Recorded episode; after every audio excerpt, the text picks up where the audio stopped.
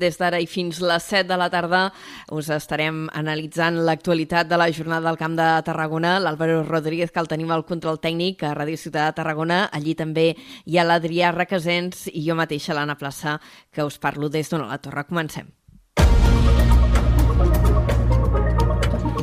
I, el, I avui la notícia de portada és pel govern català, que ha tret a licitació la compra de 7 tramvies del Tramcamp per 48 milions d'euros.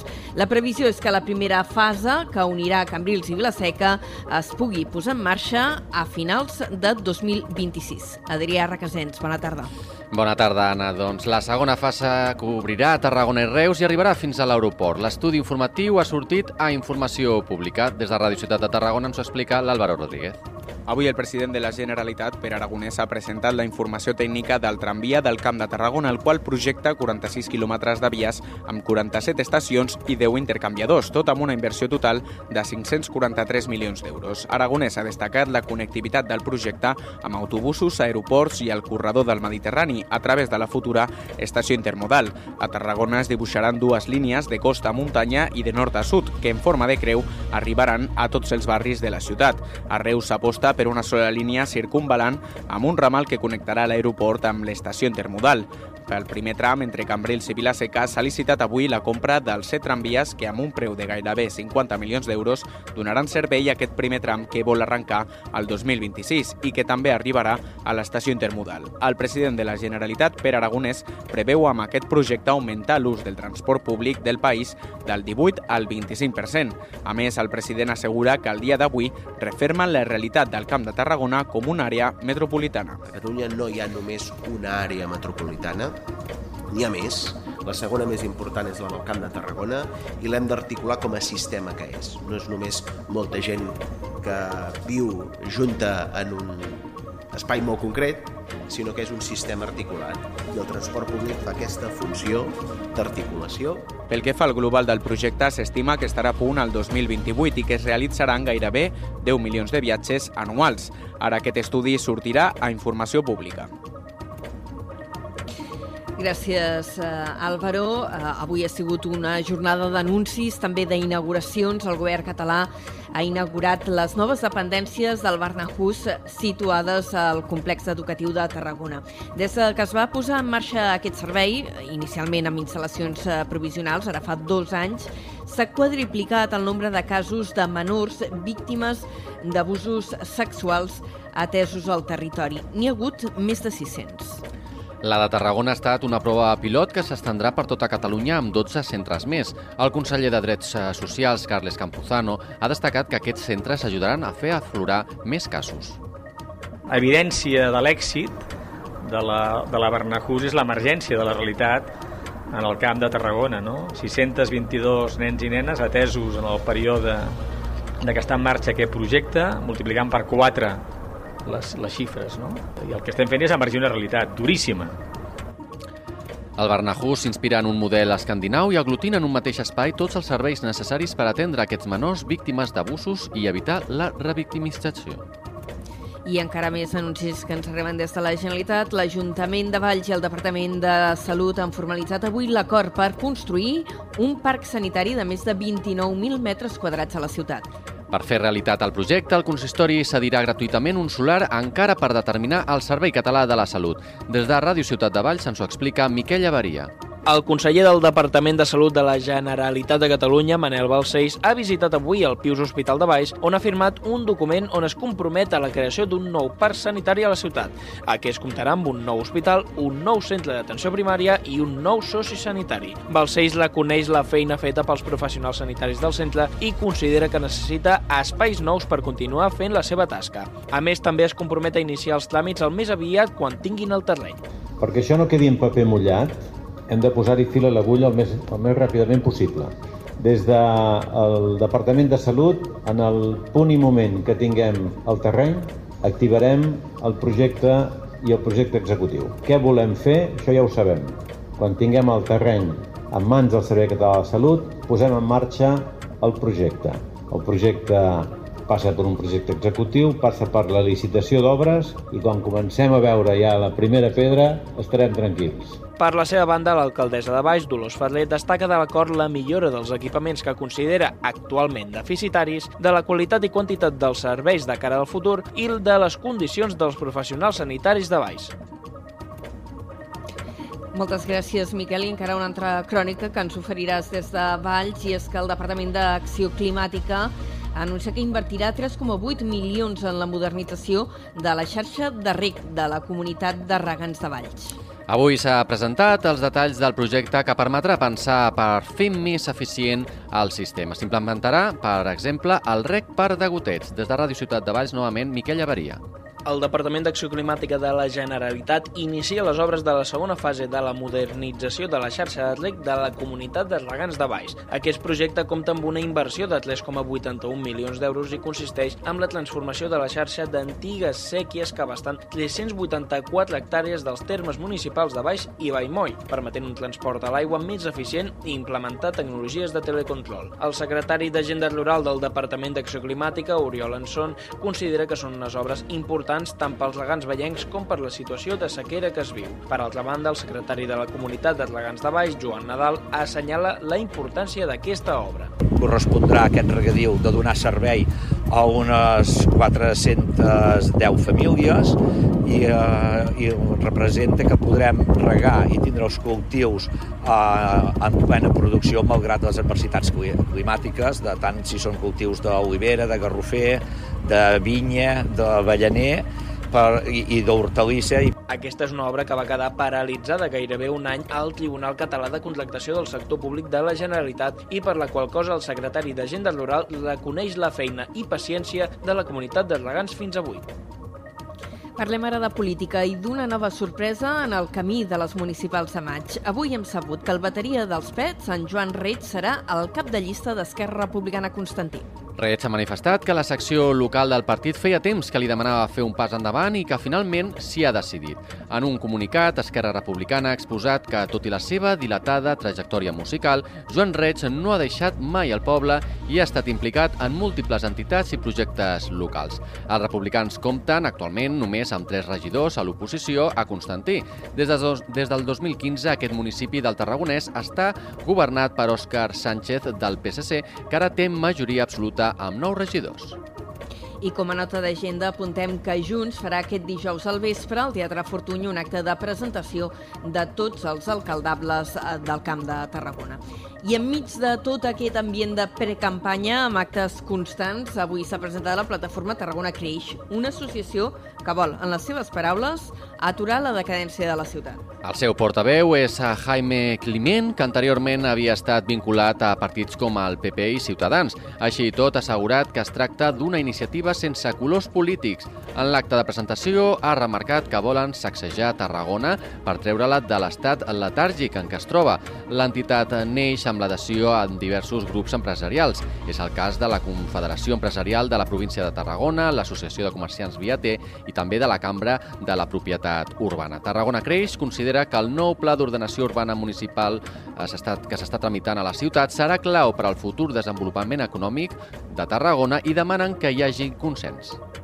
I ara tot just fa uns moments, aquí a Carrer Major, i han connectat amb directe, Comissions Obreres està fent una concentració davant de les portes d'Iquoxe, al polígon petroquímic sud, per demanar la, la readmissió de Fran Pizarro, el representant del comitè d'empresa que va ser acomiadat la setmana passada per un expedient disciplinari. Des d'un primer moment, Comissions Obreres ha argumentat que es tracta d'un cas de persecució sindical.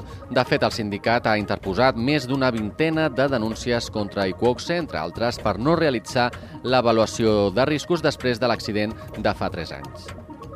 Centrem-nos ara en notícies del fet divers. La Guàrdia Civil ha detingut un home a Tarragona com a presumpte autor d'un ciberdelicte d'estafa a través del mètode de missatges al mòbil, fraudulents, missatges fraudulents.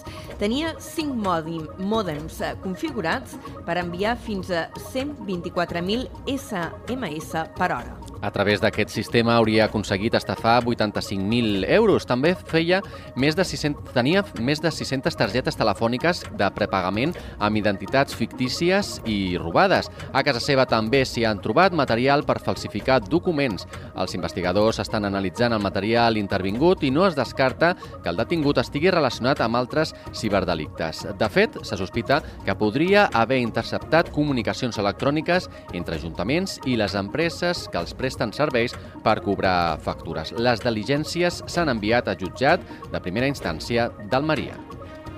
Els Mossos d'Esquadra han detingut quatre homes al Tarragonès i al Baix Penedès per extorsionar-ne un altre amb amenaces i coaccions. Els arrestats tenen entre 22 i 36 anys i han quedat en llibertat amb càrrecs després de declarar al jutjat.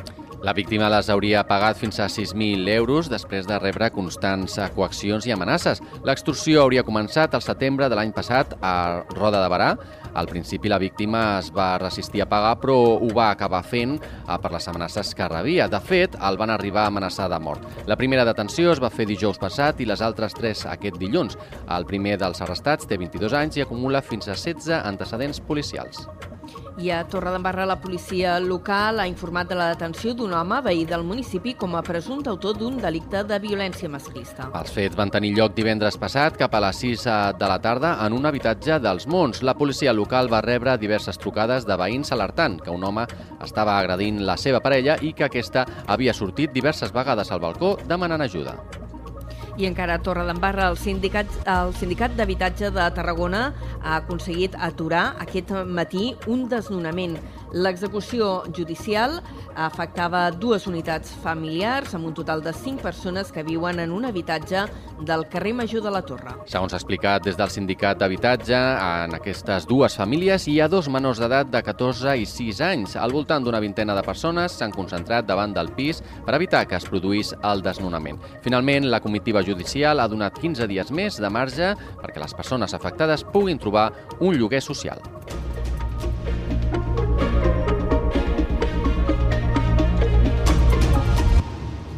D'aquí un minut serà tres quarts de set de la tarda. Centrem-nos en crònica local. L'Ajuntament de Reus i l'Arcabisbat de Tarragona han arribat a un acord per la cessió del centre catòlic després que l'Església hagi rebaixat les seves pretensions inicials. D'aquesta manera, l'Església cedirà a l'Ajuntament l'edifici durant 50 anys. En té tots els detalls des de la nova ràdio de Reus, David Fernández.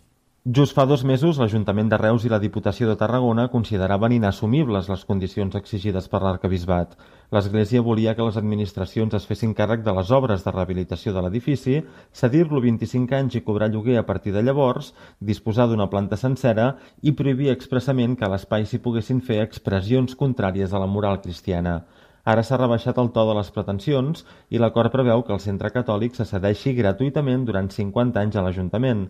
També s'ha acordat que l'arcabisbat tindrà un espai a l'edifici, que se seguirà la legislació vigent pel que fa al to dels espectacles que s'hi programin, però també que hi haurà oficines municipals de cultura i les dependències de Bravium Teatre.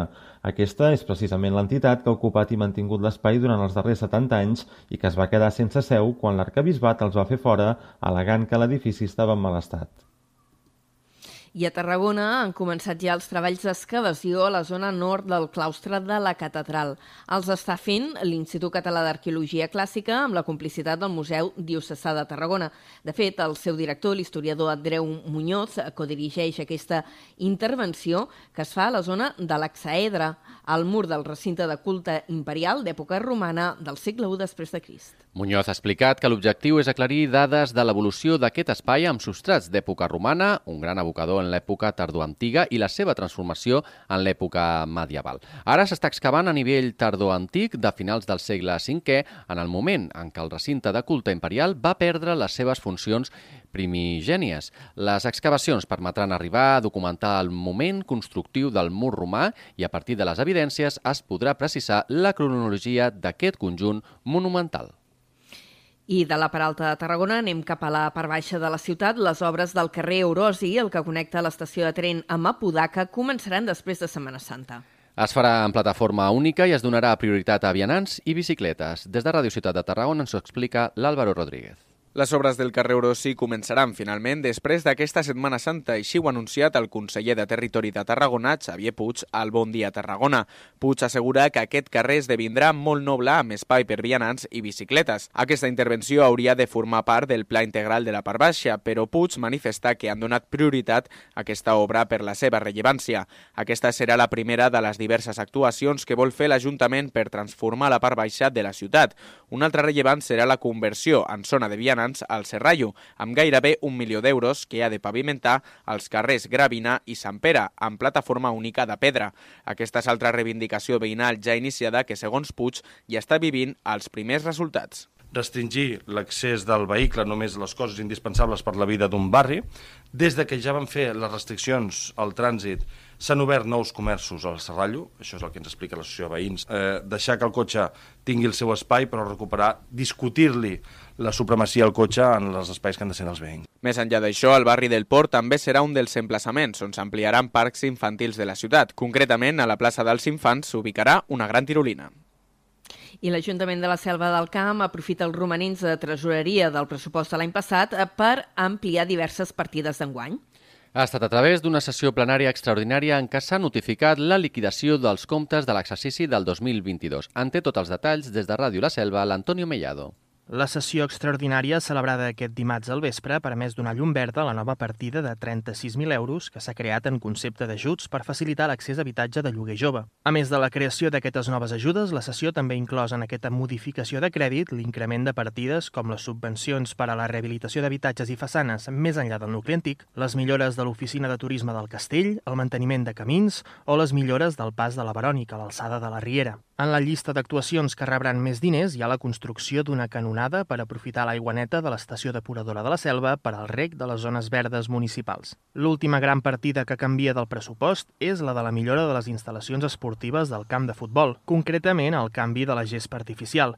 Inicialment s'havia previst destinar-hi 220.000 euros i gràcies a la incorporació d'una subvenció de la Diputació s'incrementa en 180.000 euros més. Entre altres assumptes, el ple ha aprovat inicialment el document únic de protecció civil municipal, el DuProCim, que suposa l'actualització de l'anterior document existent i on s'especifica com prevenir i controlar els riscos sobre les persones i els béns de l'entorn municipal.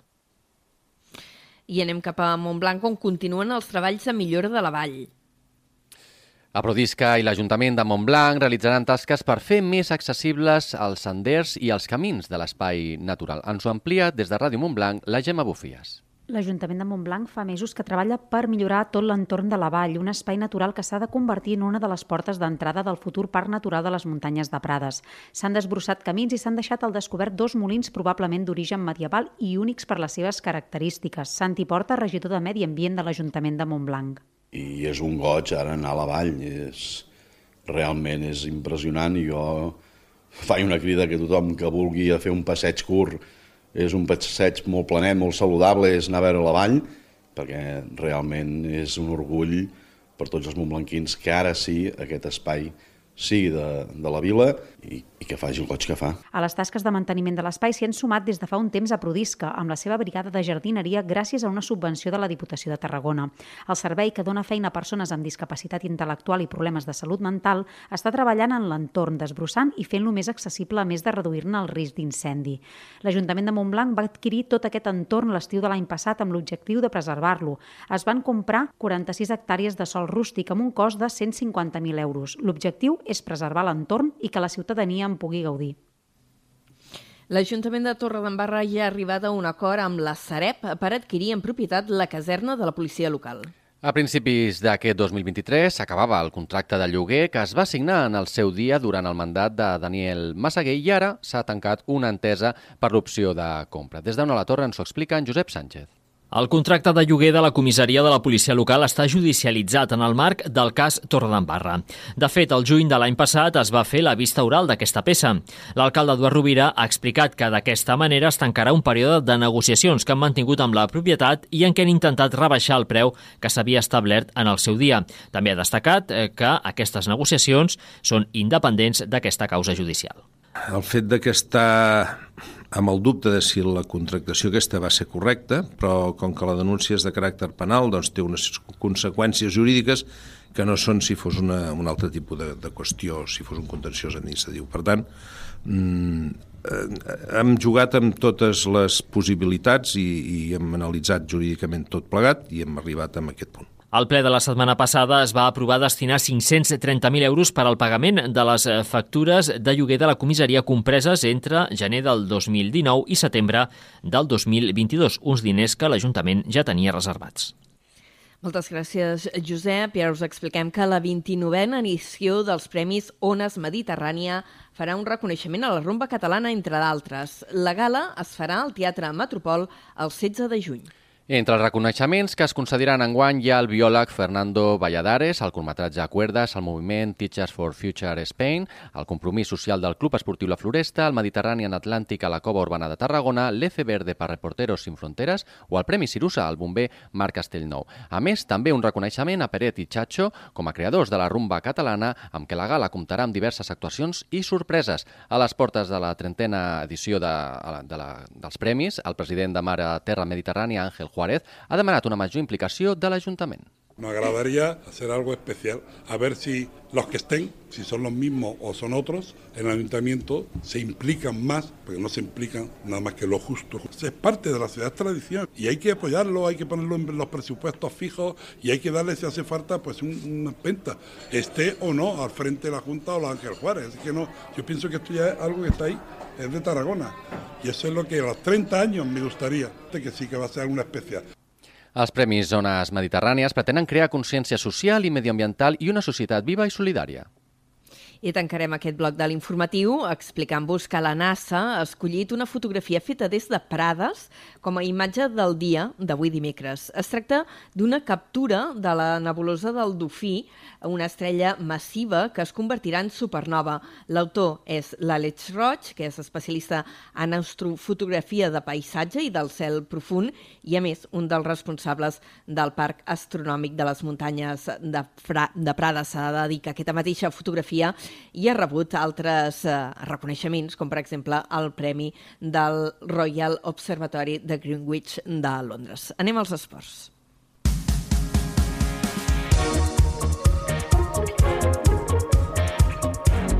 I avui comencem destacant que Tarragona acollirà el Festival de Waterpolo formatiu Cabaguaba, Spain, per tercer any consecutiu. Les proves es disputaran de l'1 al 4 d'abril i l'escenari principal tornarà a ser la piscina Sílvia Fontana, a l'Anella Mediterrània. L'esdeveniment assoleix enguany una xifra rècord de participants amb 560 joves esportistes i tècnics. Hi participaran 22 clubs i 46 equips de 6 comunitats autònomes. Es jugaran un total de 161 partits en 3 dies amb la piscina olímpica dividida en 4 camps de joc. Al final de festa es farà a Port Aventura. L'objectiu, la promoció del waterpolo i els valors de l'esport entre els més petits. I a Reus, la plaça del Mercadal ha estat avui l'escenari de la fotografia oficial del Reus Costa Daurada Open de Pàdel, la primera prova europea del World Padel Tour d'enguany. La competició ha arrencat, de fet, aquest cap de setmana i s'allargarà fins diumenge vinent, fins al 2 d'abril. Hi participen 240 jugadors i jugadores i durant l'acte que s'ha fet aquest matí, les autoritats han destacat l'impacte que aquesta prova té per la ciutat i el territori. El torneig encara a partir de demà, la fase final a la disputa del quadre final de trobades. La seu principal d'aquest campionat de pàdel és la pista ubicada al pavelló olímpic de Reus. La segona pista s'ha ubicat al Polluger Joan Rebull i les prèvies es van jugar aquest passat cap de setmana al pàdel nou de l'Hospitalet de l'Infant. Reus espera aquests dies que al voltant de 14.000 persones passin per les instal·lacions del torneig entre espectadors i personal de l'organització. L'any passat l'impacte econòmic del certamen va ser de 1,5 milions d'euros.